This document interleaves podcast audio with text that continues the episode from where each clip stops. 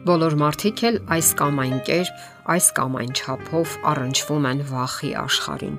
Մարդկային վախերից առաջինը կարելի ասել մահվան հանդեպ վախն է։ Անհաղթահարելի վախը։ Ահա թե ինչու նրանք այնքան կարևորում են առողջությունը եւ ցանկանում են ապրել երկար ու երջանիկ։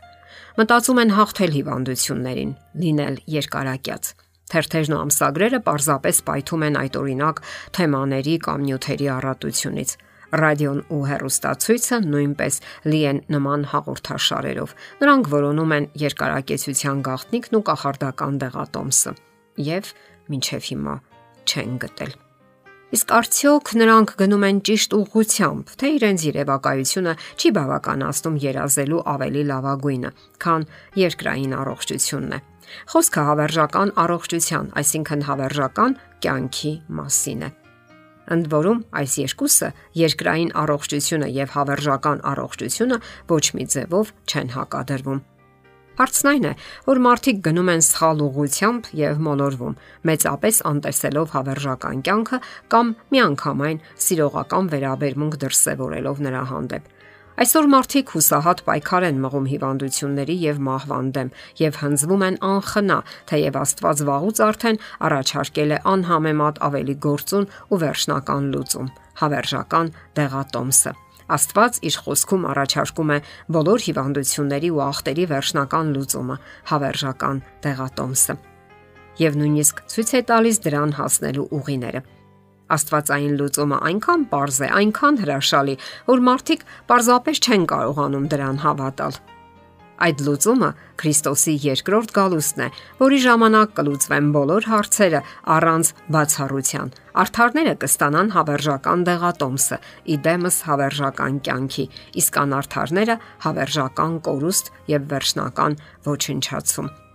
Երբ Հիսուսը երկրորդ անգամ երկիր վերադառնա, երկիրը վերջնականապես կազատագրվի մեղքից եւ նրա հետևանքներից։ Չի լինի տարապանք ու ցավ, հիվանդություն եւ մահ իսկ փրկվածները կապրեն հավերժ ու երջանիկ։ Հովանես Առաքյալը այսպիսի հիասքանչ տողերով է նկարագրում Աստծուց ստացած իր տեսիլքը, որտեղ նկարագրվում է մարդկության հավերժական բնակավայրը, եւ այդ նկարագրությունը պարզապես հիացմունք է առաջացնում։ Կարդում ենք. Տեսա նոր երկինք եւ նոր երկիր, որովհետեւ առաջին երկինքն ու երկիրը անցան եւ այլևս ծով չկա։ Տեսա Սուրբ քաղաքը, Նոր Երուսաղեմը, որ իջնում էր երկնքից Աստծո մոտից, պատրաստված ինչպես իր ամուսնու համար զարդարված մի հարս։ Շարունակելով միտքը, Աստծո խոսքը հուսադրում է, եւ նրանց աչքերից պիտի սրբի ամեն արտասուկ, այլևս մահ չի լինելու, չի լինելու նաև ոչ սուկ, ոչ աղաղակ, ոչ ցավ, որովհետև նախկիններն անցան։ Ահա այստեղ ավարտվում են մարդկային երևակայության սահմանները եւ սկսվում է Աստվածային ծրագիրը։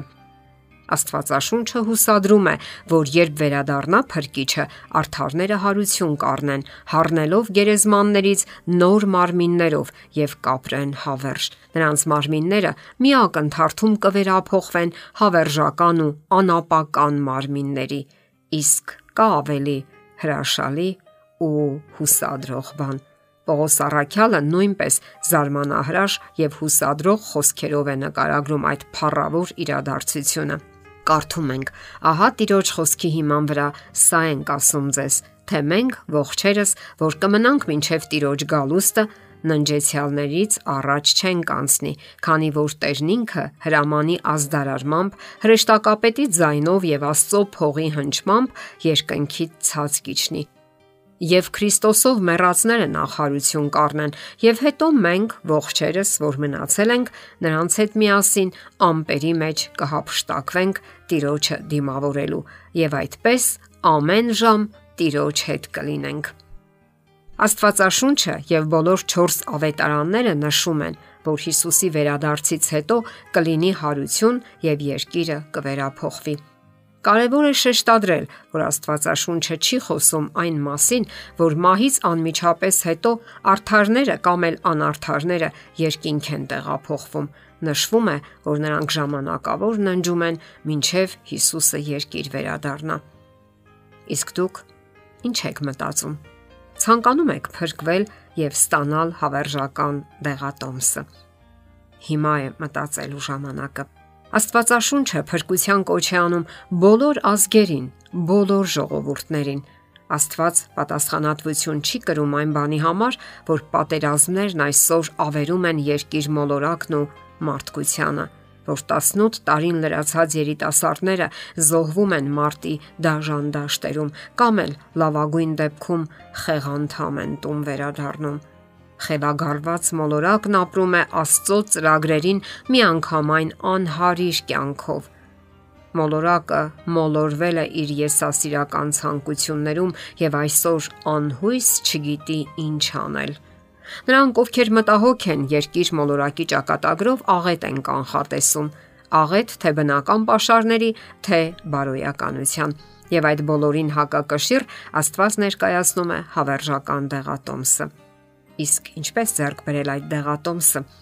Յուրաքանչյուր կոնկրետ անznավորության համար դժվար է ասել, սակայն գոյություն ունեն սկզբունքներ, որոնք ընդհանուր են բոլորի համար։ Նրանք, ովքեր ցանկանում են ապրել հավերժ եւ ունենալ հավերժական մարմին, պետք է համագործակցեն Աստծո հետ, քայլեն նրա հետ, ինչպես քայլում էին Հիսուսի առաքյալները եւ բոլոր նրա հետևորդները բոլոր դարերի ընթացքում ովքեր ոչ միայն քարոզում էին եւ պատմում Հիսուսի մասին, այլև պահում էին նրա պատվիրանները եւ իրենց կյանքով հաստատում նվիրվածությունը հավերժական արժեքներին եւ դա այն է, ինչ նախապատրաստում է մեզ հավերժական կյանքին, ինչի Աստվածային դեղատոմսը գրված է Աստվածաշնչում։ Վստահենք Աստծո խոսքին, քայլենք Աստծո հետ եւ ի վերջո կվայելենք հավերժական կյանքը, որովհետեւ Աստված խոստացել է։ Եթերում ղողանջ հավերժության հաղորդաշարն է։ Հարցերի եւ առաջարկությունների համար զանգահարել 033 87 87 87 հեռախոսահամարով։